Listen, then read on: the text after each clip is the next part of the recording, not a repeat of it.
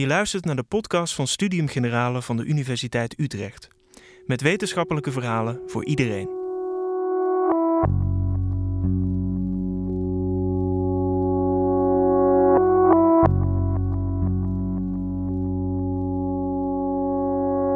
Seksonderzoekers Masters Johnson onderzochten in de jaren 50 voor het eerst vrijende stelletjes in het lab. Zo konden ze in kaart brengen wat er precies met ons lichaam gebeurt als we seks hebben. Aan de hand van fragmenten van de HBO-serie over hun werk, Masters of Sex, vertelt psycholoog Ine van Wezenbeek over seksonderzoek toen en nu. Waarom bestaan er nog zoveel misverstanden over met name vrouwelijke seksualiteit? Bestaat het vaginale orgasme eigenlijk wel?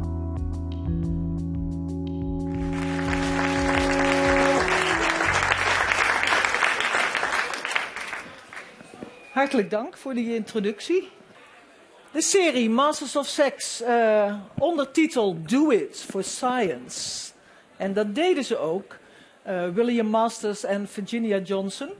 Hij was een gynaecoloog en zij was zijn uh, later onderzoeksassistent, maar begon eigenlijk als gewoon een administratief medewerker.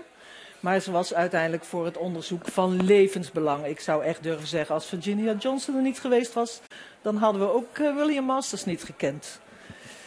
Even een paar foto's, want um, dit zijn ze dan in hun werksituatie. Uh, Masters is een redelijk steile man en zij is een en al warmte en menselijkheid. En is ook echt van enorm belang geweest voor het werven van de respondenten, et cetera.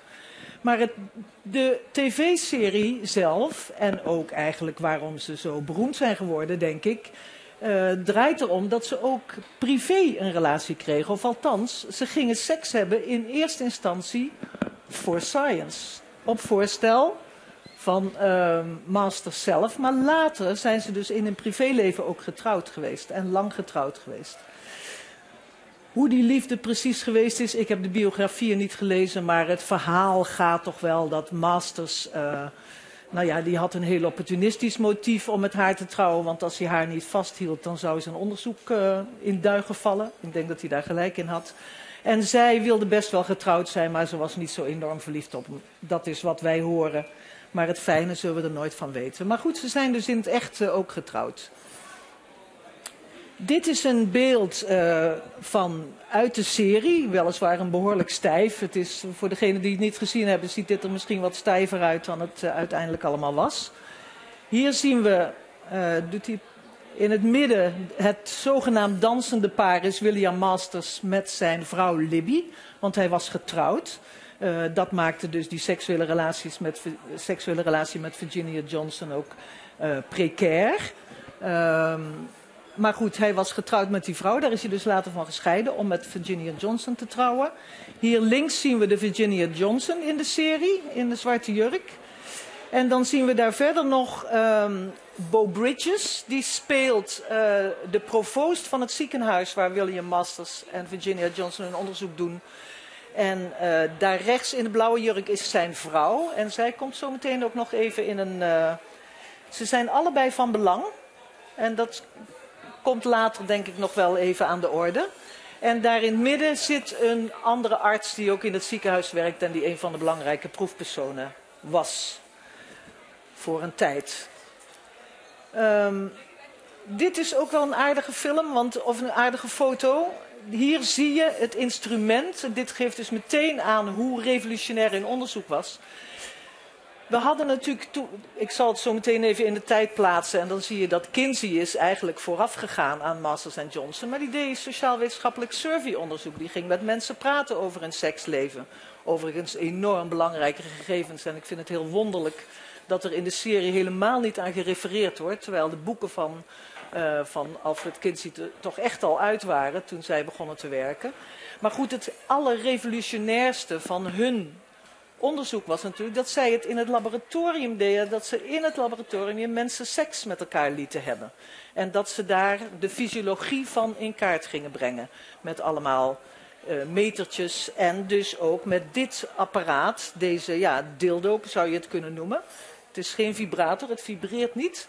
Uh, zij gebruikten hem, uh, nou ja, de vrouwelijke proefpersonen konden hem gebruiken om zichzelf te stimuleren. Ik weet niet of of wat de vrouwen onder ons ervan denken, hoe stimulerend dit zou kunnen zijn. Maar goed, het was ook de bedoeling om de binnenkant van de vagina te kunnen filmen. Dus dat was echt allemaal heel vergaand, revolutionair uh, in die jaren. Um, je ziet hier, het is eigenlijk ook, en daarmee is meteen ook iets van de betekenis, de voorloper van wat we nu in het psychofysiologisch uh, seksonderzoek in het laboratorium nog kennen als de fotopletismograaf waar die bloeddoorbloeding, uh, die doorbloeding meet en daarmee zwelling van, uh, van het uh, weefsel rond de geslachtsorganen. En dus zij hebben daar echt een, nou ja, een enorm belangrijke voorzet in gemaakt. Dat heb, nou heb ik al best wel veel verteld. Um, en ik ga het verder hebben over. Ik ga even dat werk van hen in de tijd plaatsen. Dan laat ik een introductiefilmpje zien ik heb het over de, hun verdiensten natuurlijk, maar ik heb het ook over de beperkingen en de kritiek op hun werk. En ik ga even door over de huidige stand van zaken. Hoe ver zijn we nu met um, de seksuele revolutie, het denken over seksualiteit en de seksologie? Oké, de plaatsing in de tijd. Even heel erg snel. We beginnen uh, aan het begin van de 20e eeuw. Want begin van de 20e eeuw was er echt wel een verandering Kijk, er is natuurlijk altijd, zijn altijd vormen van repressie en taboeisering van seksualiteit geweest. In wisselende intensiteiten door alle eeuwen heen. Daar kunnen hele collegeseries over gegeven worden. Um, maar het was in ieder geval zo dat in het begin van de 20e eeuw, na die vrij strikte Victoriaanse tijd, echt weer een heleboel codes minder strikt werden. Dus daarom pak ik het op aan het begin van de 20e eeuw. En dan zagen we een leidende rol bij de Duitse psychiaters. Hier um, Kraft Ebing en daar Freud, dat zullen jullie ongetwijfeld uh, wel herkennen. En die Kraft Ebing was van belang. Het zijn allemaal psychiaters, dus je ziet hier ook wat hier gebeurt, is dat het denken over seksualiteit was tot de 20e eeuw heel erg in een religieus moreel kader. En nu ging het meer over de psychiatrie en over normaal en niet normaal en over ziekte en gezondheid. Dat was toen echt voor het eerst. Um, de eerste emancipatoire stappen. Kijk, ik vind dit altijd zo'n vrolijke foto. Dit, waren in die, uh, dit was op basis van de filosofie van Reich. Die dus zegt dat als uh, we seksueel bevrijd raken, dat dan de hele mensheid helemaal bevrijd raakt. Het is echt het fundament voor anarchistische levensopvattingen, werd daar gelegd. Uh, en nou ja, dit is dus een, een lichaamscultuur die heel veel vrijheid laat zien. Um, maar die Tweede Wereldoorlog maakte abrupt een einde aan deze eerste stappen op het terrein van de seksuologie. Uh, de gebouwen van de, onder, van de, onderzoekers en de universiteit werden verwoest en de mensen moesten het land ontvluchten voor de nazi's. Na de Tweede Wereldoorlog, nou om te beginnen, Simone de Beauvoir die was er ook al enorm vroeg bij in 1949 met haar boek uh, Tweede Seksen. Ook met geen woord over gerept, overigens in de hele serie. Um, maar de leidende rol kwam toen bij de Amerikanen. En twee belangrijke mensen, John Money, die de term gender introduceerde als iets wat, nou ja, en ook benadrukte dat gender een sociaal fenomeen is, meer dan een, uh, gerelateerd aan biologische seksen. En Alfred Kinsey natuurlijk. En ik, voor mij is eigenlijk Alfred Kinsey echt de eerste echte seksoloog. Simone de Beauvoir even uitgesloten. Zij startte in 1957, dus toen was echt uh, Alfred Kinsey al lang en breed bezig. Nou, de jaren 60 en 70, uiteraard veel minder taboe, taboes. Uh, tweede feministische golf, de seksuele revolutie. We zien hier dit plaatje. Dat kon toen heel goed. PSP ontwapenend. De iets oudere mensen onder ons, uh, die kennen dat waarschijnlijk nog wel. die zijn er niet zo heel veel, geloof ik. Maar goed, mensen van mijn generatie, die kennen dat plaatje nog heel goed. De pil werd natuurlijk geïntroduceerd in 1962, Organon in Nederland, belangrijke partij daarin. In 1966 publiceerden ze Human Sexual Response. Dat was het eerste boek van Masters and Johnson. Dat kwam in 66 uit. In 1974 ging pas homoseksualiteit uit de DSM. Pas nog een hele dubbeltje op zijn kant of het zou lukken. Een hele heftige vergadering is dat geweest. En er kwam meer aandacht voor seksueel geweld. En toen eigenlijk pas het opkomst van dat sociaal constructionisme. En dat is wel interessant, want je ziet in het werk van Masters en Johnson is dat nog compleet afwezig. Die hele idee dat we met de kennis die we produceren en het onderzoek dat we doen ook een bepaalde opvatting over seksualiteit construeren. Of dat we een werkelijkheid construeren met het werk wat we doen en hoe we over seksualiteit praten. Dat was bij Masters zeker absoluut niet een idee die voor hem leefde. Jaren 80 en 90 kregen we nou een versterking van mensenrechtenperspectief, allerlei heel belangrijke VN-conventies. 1981 HIV, ik ga er snel doorheen. 98 werd Viagra goedgekeurd en Viagra is echt een rechtstreeks uitvloeisel van het werk van Masters en Johnson. En dat zullen we hopelijk uh, in de loop van de lezing zien. Aantrekkende medi medicalisering, de farmacie die duikt op de seksualiteit. En ook een inburgering van sexual health en sexual reproductive health and rights als termen, grote termen waarmee we seksualiteit zijn gaan benaderen inmiddels. En aandacht voor jongeren. Nou, laat me even met een filmpje Masters and Johnson introduceren. Dit is een filmpje gewoon van internet geplukt, maar ik vind het een, uh, een mooi beeld geven. Dus dat wil ik jullie even meegeven. How has the demand been running? Wonderful. uh, beyond our fondest expectations. When TV was black and white, and attitudes toward sex were too, their book, Human Sexual Response, detonated rather than just appeared. Masters and Johnson's work was sprung on the world in April of 1966 to a great deal of shock. Dr. Robert Kolodny worked with Masters and Johnson for 30 years. The fact that a physician and his uh, research assistant at that time had been doing laboratory studies of people actually having sex was eye opening. They seem so tame. Dr. Bill Masters and Virginia Johnson deliberately cooling down a hot topic. If one is looking for pornography, uh, uh, one's going to have a long look. There's nothing of a, of a very exciting nature in this book. Oh, but there was. And to their own story as well. Masters and Johnson dealt with virtually every aspect of human sexuality. Thomas Mayer wrote a biography of Masters and Johnson. Instead of the male being the more powerful of the sexes, what they were clinically showing was that women actually had a greater capacity for sex. They found out that older people can enjoy sex. Mayer's book inspired the Showtime drama Masters of Sex, which shows in pretty steamy detail how exactly gynecologist Masters began his research in 1954, observing prostitutes. Their studies were conducted in absolute secrecy at Washington University in St. Louis. If I can make the camera small enough, it'll allow the viewer to actually witness it in real time. To discover what happened to a woman during sex. Soon after he hired Johnson, a divorced mother of two without a college degree, Masters pressured her to have sex with him. Two of us should undertake the research ourselves. As part of their work. She said that she really didn't want to have sex with him, but she didn't want to lose this job. In today's terms, that would be. Yes, definitely would be considered sexual harassment. But in 1970, Masters divorced his wife of 29 years and almost immediately married Johnson. By then, their names had long been linked professionally. Masters and Johnson, like Procter and Gamble, a brand. So you would argue that Virginia Johnson deserved the equal billing she got in Oh, Masters and Johnson, even though she didn't have a college degree. A- Absolutely. Her signal contribution, to my mind, is that she played a very key role in designing the approach to sex therapy that they took.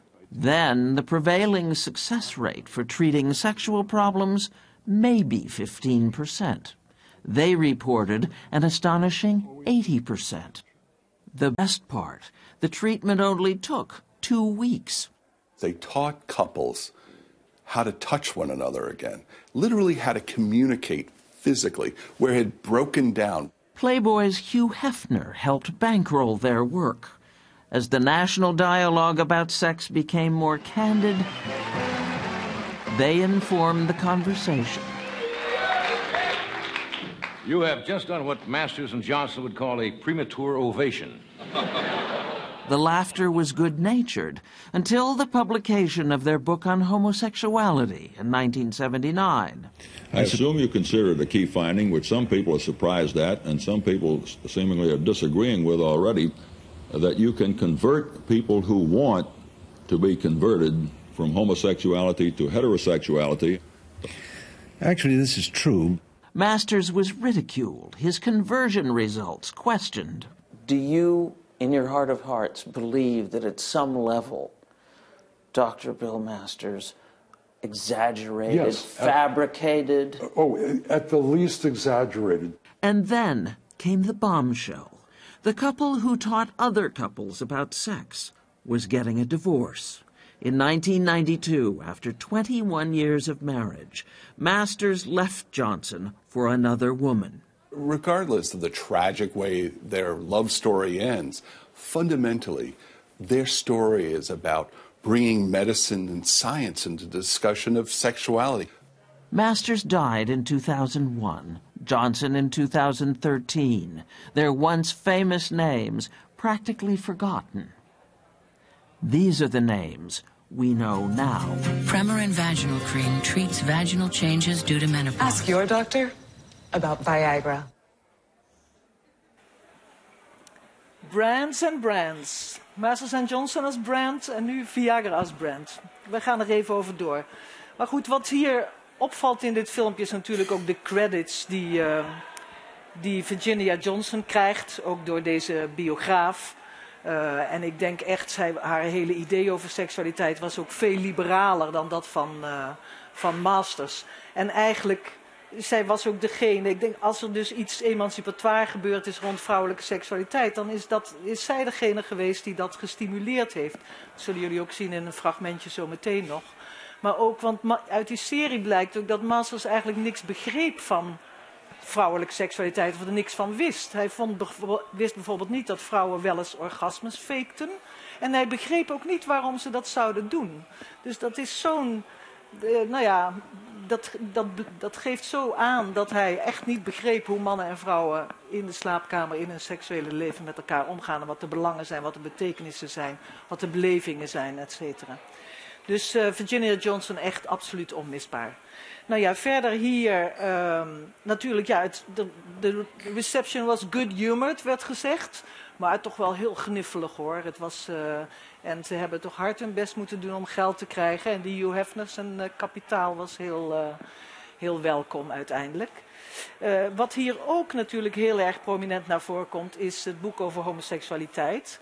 En daar is die provoost van het ziekenhuis in de serie ook belangrijk voor. Want die man blijkt zeer uh, in de kast homoseksueel te zijn.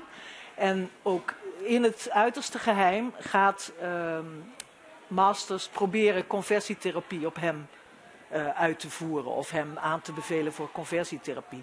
En het is echt, nou ja, we weten zo uit al het onderzoek dat die bevindingen die zij hier zouden hebben van, nou ja, 80% was dan over sekstherapie in zijn geheel. Maar die succesrates voor conversietherapie, dat kan gewoon niet. Want conversietherapie werkt gewoon niet, dat weten we. Je kunt hooguit, als mannen dat willen, of vrouwen dat willen, homoseksuele mensen dat willen, ze uh, een bepaalde manier van omgaan met hun uh, geaardheid daarin ondersteunen. Maar een seksuele oriëntatie Alhoewel zeker niet altijd maar vaststaand. Er zit variatie en er zit verandering in, maar uh, niet door conversietherapie. Dus dat is. Uh, daar heeft Masters zich echt eigenlijk te schande mee gemaakt.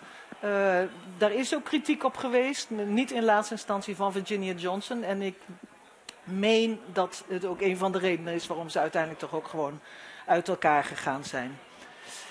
Even kijken. Maar verdiensten. Ik loop denk ik op van alles vooruit. Maar dat is goed, want de tijd loopt ook door. Dus, uh, nou, wat waren, ze uh, belangrijk voor, natuurlijk, voor de emancipatie en die normalisering van seksualiteit. Want voor het eerst werd seksualiteit uh, naar voren gebracht als een normaal onderwerp, wat onderzoekbaar is, wat een legitiem onderwerp van wetenschappelijk onderzoek is en waar we benieuwd naar kunnen zijn, waar we verder naar kunnen kijken. Uh, wat niet alleen maar iets is waar we meesmuilend over moeten doen en uh, stiekem over moeten doen. Dus dat was, nou ja, ongetwijfeld heel erg belangrijk.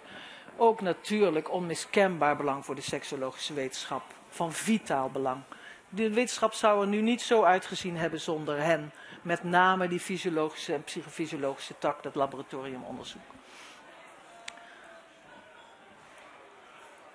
Um, nu doet mijn dingetje het niet meer. Ah, de fysiologie van seks, natuurlijk, daar zijn ze met name belangrijk bij geweest. En dit hier, de Human Sexual Response Cycle, dat is echt hun grote feat geweest om die te beschrijven. Het verlangen, uh, opwinding, een zekere plateaufase, fase, orgasme en dan uh, resolution, uh, weer terug naar de normale staat. zometeen zal wel blijken dat ze eigenlijk, en dat wordt in de serie ook wel duidelijk, eigenlijk beginnen ze een onderzoek met al in hun achterhoofd dat dit de cyclus is die ze willen beschrijven. Dus het is niet iets wat nou echt uit de data gesproken heeft, terwijl Masters toch eigenlijk een hele positivistische wetenschapopvatting had. Let the data speak. Maar eigenlijk had hij gewoon al in zijn achterhoofd, dit is de human response cyclus die, we, die ik ga laten zien. Nou, laboratoriumonderzoek, zoals ik al zei, ook die, eh, dat instrumentarium, daar zijn ze gewoon van vitaal belang geweest. En ook van enorm groot belang voor de klinische praktijk, want die behavior, uh, human sexual behavior cycle is echt de basis geweest voor sekstherapie. Vanuit daar zijn allerlei vormen van sekstherapie ontwikkeld. Um, die dus maar daar kom ik in, bij de kritiek op, ook heel erg beperkt van aard was, want heel erg biomedisch gericht in eerste instantie. Ik noem hier twee dingen, die sensed focus. Zij deden in het filmpje, werd het ook genoemd. Ze hebben geïntroduceerd die zogenaamde sensed focus uh, oefeningen. Waarbij uh, een koppel elkaar aan mag raken op manieren die alleen maar voor allebei fijn zijn. Soms ook juist de intieme delen niet. Uh, het was eigenlijk een soort Um, uh, hoe heet dat nou? Um, die, die nieuwe, nou ja, dat ben ik even kwijt. Het was een echt heel revolutionair om op dat moment te voelen um, wat je voelde en daar met elkaar over te praten. Dat, was, uh, dat is heel belangrijk geweest voor de sekstherapie. Wordt nog nu door alle seksologen toegepast. Uh, en ze waren van belang voor het denken over vrouwelijke seksualiteit. En dan laat ik even een klein fragmentje uit de serie zien uh, om dat te illustreren.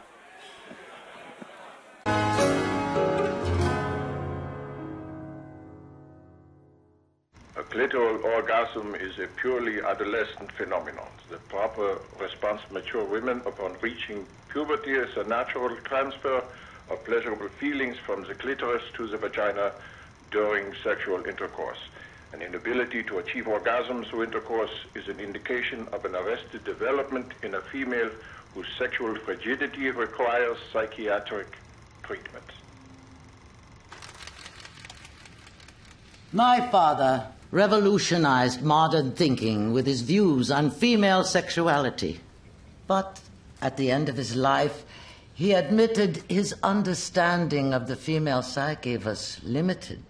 If you want to know more about the nature of femininity, he said, you will have to consult the poets, which I'm sure makes all you doctors sitting here today very nervous. I will now take questions. Yes, Dr. Freud, Virginia Johnson, Washington University. It's a great honor to hear you speak in person. Uh, Doctor, your father's theory that the female orgasm achieved by masturbation is immature compared to one achieved through sexual intercourse, has that ever been scientifically proven? I'm not sure I understand what you're asking. Has there ever been any scientific evidence to substantiate this theory? Any physiological data that, that differentiates between the two types of orgasms? Well, I, for one, can't imagine how procuring such data would be possible, let alone decent. So he's saying that one orgasm is better than the other. As I understand it, he's saying when a woman reaches puberty, there's a transfer of sexual response from the clitoris to the vagina. The external, or clitoral orgasm, is the province of adolescent girls. Mature women experience sexual response intravaginally with their husbands. Otherwise, they're frigid. Who would believe something like that? My patients, that's why we keep the exam room stocked with Kleenex. A quarter of the women who walk through my door tell me they're frigid. Well, maybe that's because their husbands can't get the job done. Uh, Does he ever address the man's role in any of this? Honestly, all of Freud's theories have their limits. I stopped reading him after my college paper on the Oedipus complex. Nearly put my own eyes out. Ik had het misschien iets beter moeten introduceren, maar dit was duidelijk een lezing door Anna Freud. Het gaat over het eh, door Freud veronderstelde eh, de volwassen aard van het vaginale orgasme in vrouwen en de onvolwassen aard van het clitorale orgasme. En we weten nou natuurlijk dat het vaginale orgasme niet bestaat. Eh, of zoals Woedgianot, een collega van mij, zegt, het vaginale orgasme bestaat wel voor mannen, niet voor vrouwen. Voor vrouwen zijn alle orgasmes clitoraal. Maar goed, Johnson die maakt daar dus een punt van. En die zegt tegen die Anna Freud: wat is de evidentie dat dat eh, twee verschillende orgasmes zijn? Dus daar was zij echt. En eh, nou ja, Masters die schuift het een beetje terzijde van nou, daar ben ik, dus onder, ben mee opgehouden om over te denken. Dus zij was echt voor die emancipatie van het denken over vrouwelijke seksualiteit was zij van cruciaal belang. En ook niet alleen eh, voor het verschil tussen vaginaal en eh clitoraal orgasme, maar ook voor de zo in het filmpje werd het ook al even genoemd, de zogenaamde grotere seksuele capaciteit van vrouwen. En dat komt er dan eigenlijk op neer dat vrouwen een kortere resolutieperiode hebben en sneller weer een orgasme kunnen krijgen nadat het ene geweest is. Maar ook, en dat vind ik ook heel aardig, daar hebben zij toch een belangrijke rol in gespeeld, dingen doet het niet, dat vrouwen veel meer verschillende soorten orgasmes hebben dan mannen. En dat is toch een hele aardige, dat is echt het begin van eh, de vinger leggen op eh, vrouwelijke seksualiteitsbeleving en ook het, het normaliseren, naar voren brengen van vrouwelijke seksualiteit als op zichzelf staan, belangrijk in zichzelf en met grote positieve kanten in zichzelf. Ehm, maar de kritiek, ik denk dat ik daar, en het gaat, ik heb veel meer dan ik hier ooit kan gaan zeggen, maar ik wil dit filmpje toch maar even laten zien, want dit heeft betrekking op ehm, een van de eerste aspecten die je, waar je, je heel erg kritisch kunt zijn op het werk van Masters en Johnson. Namelijk, zij hebben in de steekproef die zij getrokken hebben, hebben ze zich eigenlijk beperkt tot mensen die ook inderdaad die eh, Human Sexual Response Cycle prima konden doorlopen. Iedereen die hem niet doorliep, die kwam niet in aanmerking om deel te nemen aan het onderzoek. Ik kom er zo meteen even terug. En hier zie je dat gebeuren als de vrouw van die provoost Scully eh, wil meegaan doen aan het onderzoek. En het is echt droevig, want eh, nou ja, zij heeft heel weinig seksleven en wil dat een, een zetje gaan geven. Maar ze wordt geweigerd. Laten we even kijken. What? Let's see. Um, um, almost 20. My daughter's age. And how often do you engage in intercourse now? I'm sorry the questions are so personal, Margaret. Um, if this is too awkward. No, no of course not. I, it's all right. Thank you, Bill. Oh, well, Barton's a very busy man, you know. Things tapered off considerably after Vivian was born. On average, what would you say? We just need to quantify it with a number.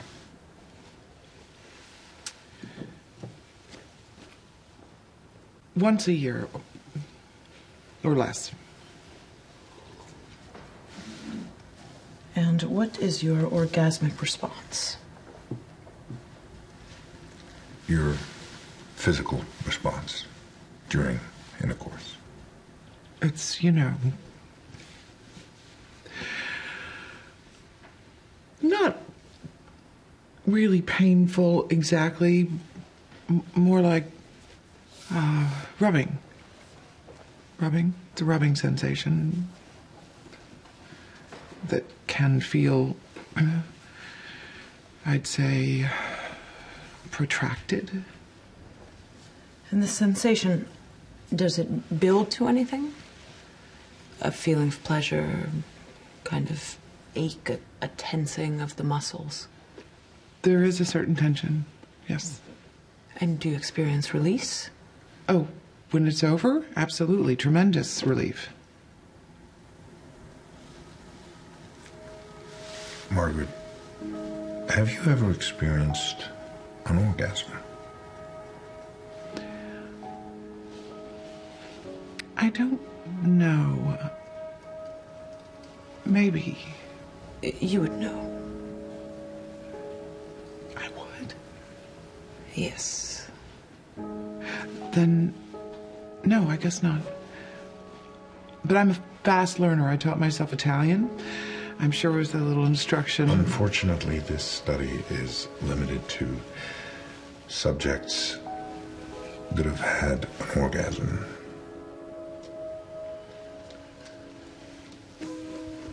Without exception?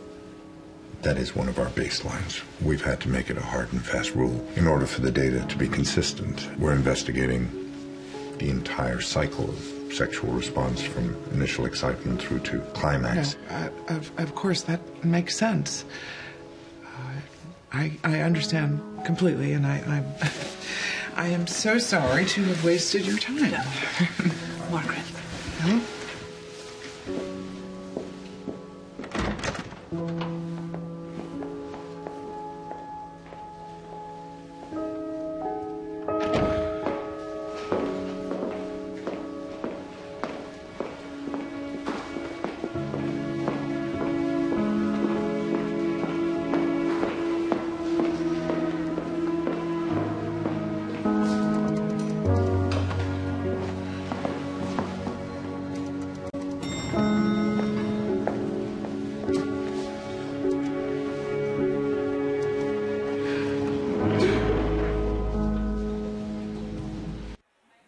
Ons hart breekt toch, hè? Echt, eh, zo met haar te doen. En ik vind haar trouwens ook zo'n leuke actrice. Ook in de serie Mom. Echt zo leuk. Maar oké. Ehm, nou ja, we zijn dus aanbeland met de kritiek. En hier zit een plaatje bij van Leonore Tiefer. Een eh, hele fijne collega en vriendin van mij, Amerikaanse eh, uroloog. ehm, die, heel, die eigenlijk de voorloper is op, van alle kritiek op Masters Johnson. En daarom een fotootje van haar. Waarom doet hij het niet? Ah. Nou, wetenschappelijke bezwaren, in bijzonder die steekproefselectie. En ook natuurlijk het bezwaar van dat biologisch reductionisme. Het is, seksualiteit is eh, loodgieterswerk. Zodra de onderdelen het maar doen, al of niet, ehm, dan, dan zou het met seks goed moeten gaan. Als de onderdelen doen, dan moet het oké zijn. Dus er is niks in de zin van beleving, er is niks in de zin van ervaring, context, waarom mensen zich gedragen zoals ze zich gedragen. Ehm, en nog even terug bij die steekproefselectie, want dat is ook wel een mooie opmerking die Leonore Tiefer daarover gemaakt heeft. Zij laat dus inderdaad zien dat die selectie van proefpersonen zodanig was dat je eigenlijk alleen een groep mensen die enorm vaardig was in seksualiteit en allemaal zonder problemen die cyclus doorliepen in het onderzoek hebt. Later in de serie wordt overigens ook een van die artsen, op het moment dat hij een erectieprobleem ontwikkelt, wordt hij ook uit de studie geschoven. En dus, zij maakt vergelijking met, het lijkt alsof je een onderzoek doet naar zingen met een steekproef van zangers uit de Metropolitan Opera. Dat is het zo'n beetje. Dus wat weten we nou eigenlijk over menselijke seksualiteit? We weten iets over de seksualiteit van een heel bepaalde groep mensen die beantwoordt aan de veronderstellingen van de seksuele responscyclus. Nou, het is een self-fulfilling prophecy. Er zijn ook veel ongewenste klinische consequenties. Want het betekent dus echt dat we alleen maar naar die biomedische kant kijken, in de sekstherapie ook. En Leonore heeft ook echt als uroloog gezien dat in haar praktijk mensen dus wel vergoeding kregen voor een medische behandeling van een seksueel probleem, maar niet voor de psychologische behandeling van een seksueel probleem. Dus zij heeft er echt op gewezen dat de manier waarop we naar seksualiteit kijken, wat we er belangrijk aan vinden, dat dat nou ja, een vorm van sociaal constructionisme is en heel bepaald is gestuurd door uh, Masters en Johnson. Nou, feministische kritiek is niet universeel nog objectief. Dit is het boek van um, Leonore, Sex is not a natural act. Dus waarin ze inderdaad laat zien hoe wij seksualiteit beleven, is ingebed in een context van denken daarover. En uh, nou ja, uh, mogelijkheden die mensen hebben, beperkingen die mensen hebben. En um, nou ja, het is vooral ook een heel erg zwaar verdienmodel voor de farmacie geworden. Daar hangt het Amerikaanse filmpje houdt daar eigenlijk al mee op. Uh, Viagra is echt voor Pfizer een, nou ja, een goudmijn. De andere iets minder geweest. De term disease mongering is hier van toepassing. Selling sickness. En mongering is, je moet je voorstellen, iemand die vis verkoopt op de markt of zo. En staat er, jelle, koop mijn vis, koop mijn vis. Um, er is dus echt zoveel gemarket door de farmaceutische industrie om, dat, om seksuele dysfunctie als een probleem neer te zetten. Uh, er zijn weliswaar veel onderzoekers in dienst van de farmaceutische industrie, maar altijd nog twee, keer zoveel marketeers. Dus er wordt echt een probleem gecreëerd bij een oplossing, namelijk die pil, die Viagra. En de andere varianten daarop.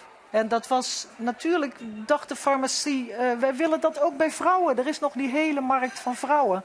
Uh, en er waren ook vrouwen zelf, een emancipatoire argument, die zeiden, wij willen ook een pil. En uh, nou ja, de zoektocht is eindeloos en er zijn wel wat dingetjes. Maar het is, ik bedoel, het succes, de, werkelijke tevredenheid over Viagra, daar valt ook van alles over te zeggen. Er zijn toch ook heel veel mensen die, nou ja, het ophouden dat te gebruiken. Maar de Pink Viagra is nog minder succesvol, omdat het nou ja, voor vrouwen wellicht toch ook de context van groter belang is. En dat wordt niet uh, ondersteund door uh, die medicijnen. Oké, dus dit is een boek wat Leonore en uh, andere vrouwen uit de Verenigde Staten uitbrachten. Zo A New View of Women's Sexual Problems. En dat A New View was niet zozeer omdat het een nieuwe visie was, maar omdat ze gewoon ook wilden doen zoals de farmacie doet. Gewoon een beetje marketingtaal uitslaan. En uh, ze probeerden in dat boek een alternatief voor The Whole Kids and Caboodle te doen. Die claim van die cyclus als normaal de versmalling van seksuele problemen tot dysfuncties, de dysfuncties tot verstoringen van die seksuele uh, responscyclus, uh, de hele non-politieke biometrische invalshoek. Context bestaat niet, normen bestaat niet, dubbele moraal bestaat niet. Het feit dat vrouwen misschien in de maatschappij niet in staat worden gesteld om hun biologische capaciteit te ontwikkelen is geen thema. Uh, en de agressieve marketing van de farmacie. Daar was het dus allemaal, is dit boek een kritiek op.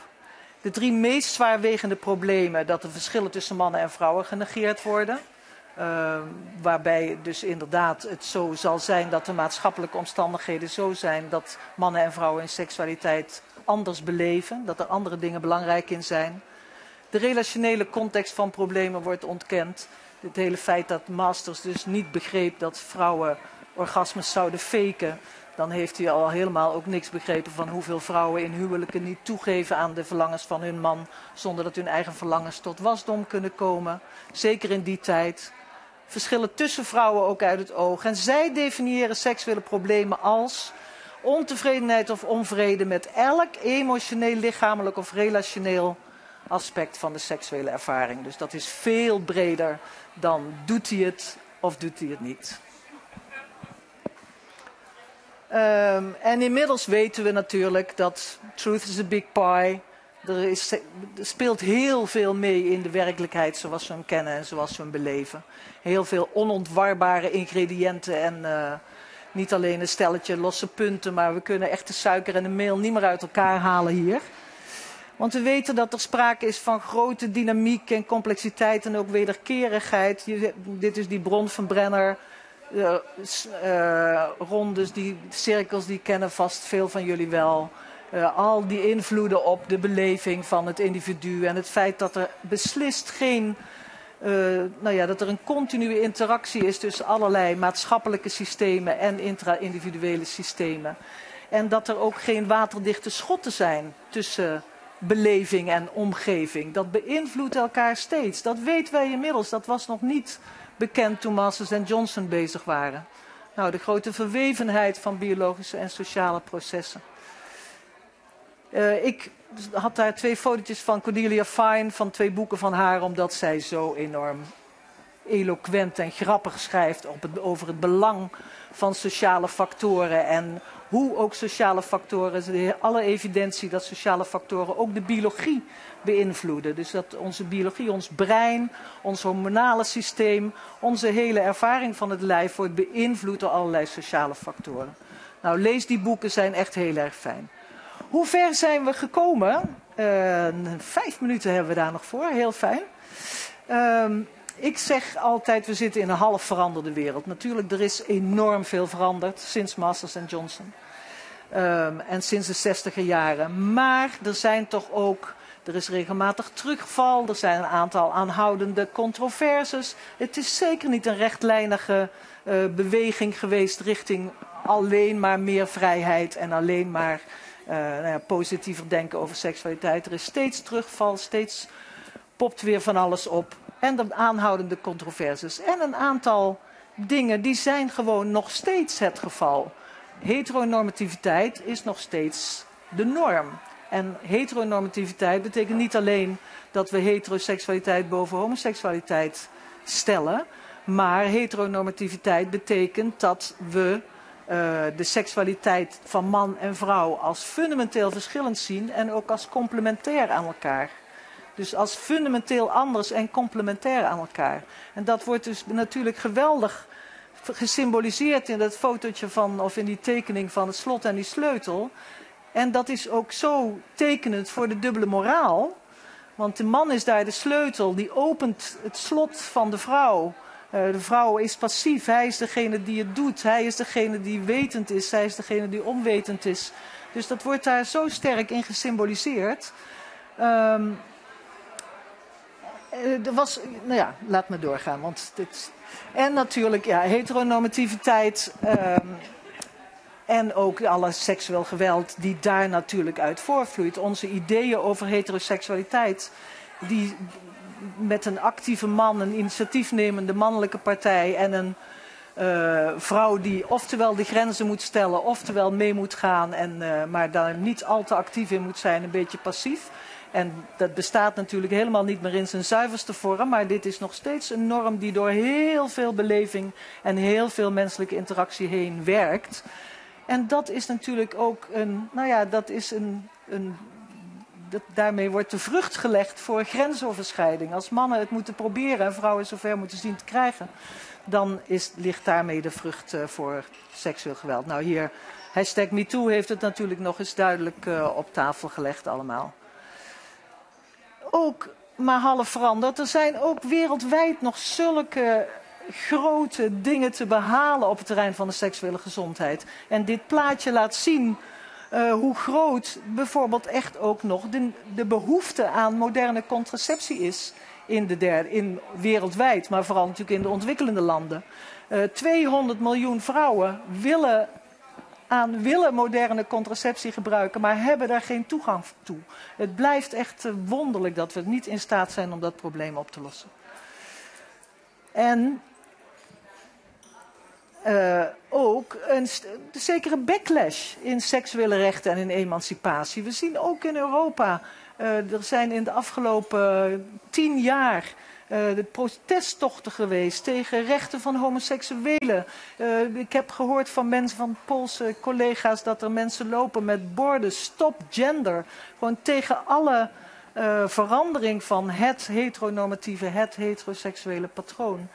Uh, mensen zijn daar bang voor. Bang voor chaos, bang voor angst, bang voor identiteitsverlies. Voor, nou ja, er zijn heel veel angst ligt aan ten grondslag. En dat zien we in Europa ook. Allerlei subsidies worden ingetrokken voor emancipatiebewegingen, voor LGTB-movements. Uh, heel, nou ja, sommige landen, met name in Oost-Europa, zijn daar heel, gaan daar heel ver in op dit moment. En ook natuurlijk daar, ja, mijn uh, een van mijn uh, favoriete onderwerpen, sekswerk.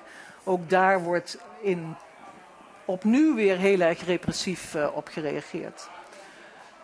Ook preutsere jongeren. Kijk hier, die, die foto die we bij PSP uh, in de zestiger jaren, waar we allemaal zo blij mee waren, die staat nu op Facebook met een, met een dingetje ervoor. Want dat mag niet meer. En ik hoorde zelfs vanochtend dat de aankondiging van deze lezing door Facebook werd geweigerd. Omdat het sexual content zou zijn. Nou, net als uh, Masters en Johnson ontken ik de seksuele content van deze presentatie. maar goed, dus, en jongeren zijn toch ook preutser geworden. Er zijn allerlei signalen dat dat het geval is. Dus er zijn toch slingerbewegingen. Ook seksuele vorming, zelfs in Nederland, blijft nog steeds controversieel. Dit is dokter Corrie, die toch echt heel veel kritiek heeft gekregen. En, uh, en daar wil ik mee afsluiten. Een half veranderde wereld ook, omdat je toch echt ook bij bepaalde groepen mannen een enorme tegenbeweging gaat zien.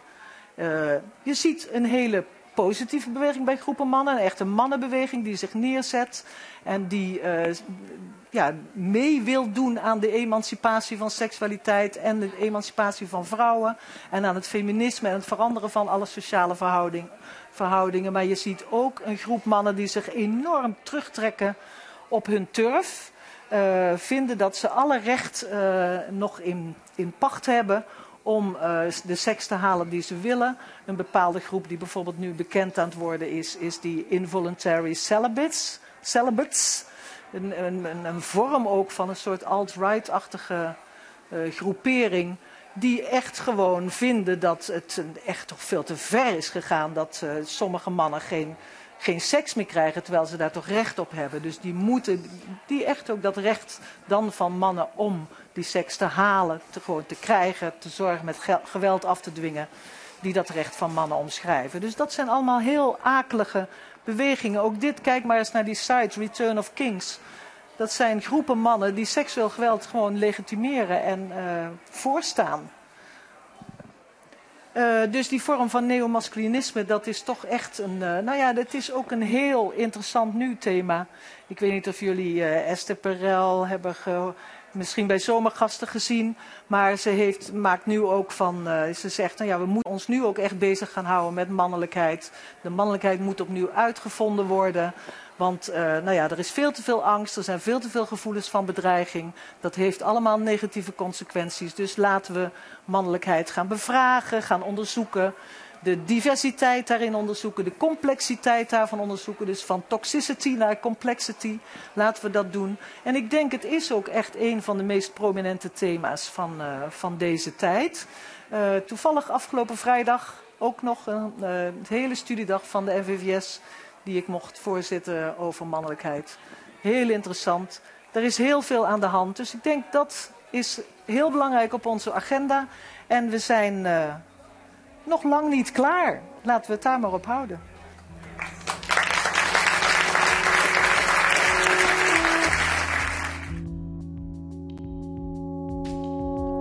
Dit was de podcast van Studium Generale van de Universiteit Utrecht. Wil je meer lezingen luisteren? Check dan de playlist op Spotify en iTunes. Of ga naar onze website sg.uu.nl/podcast.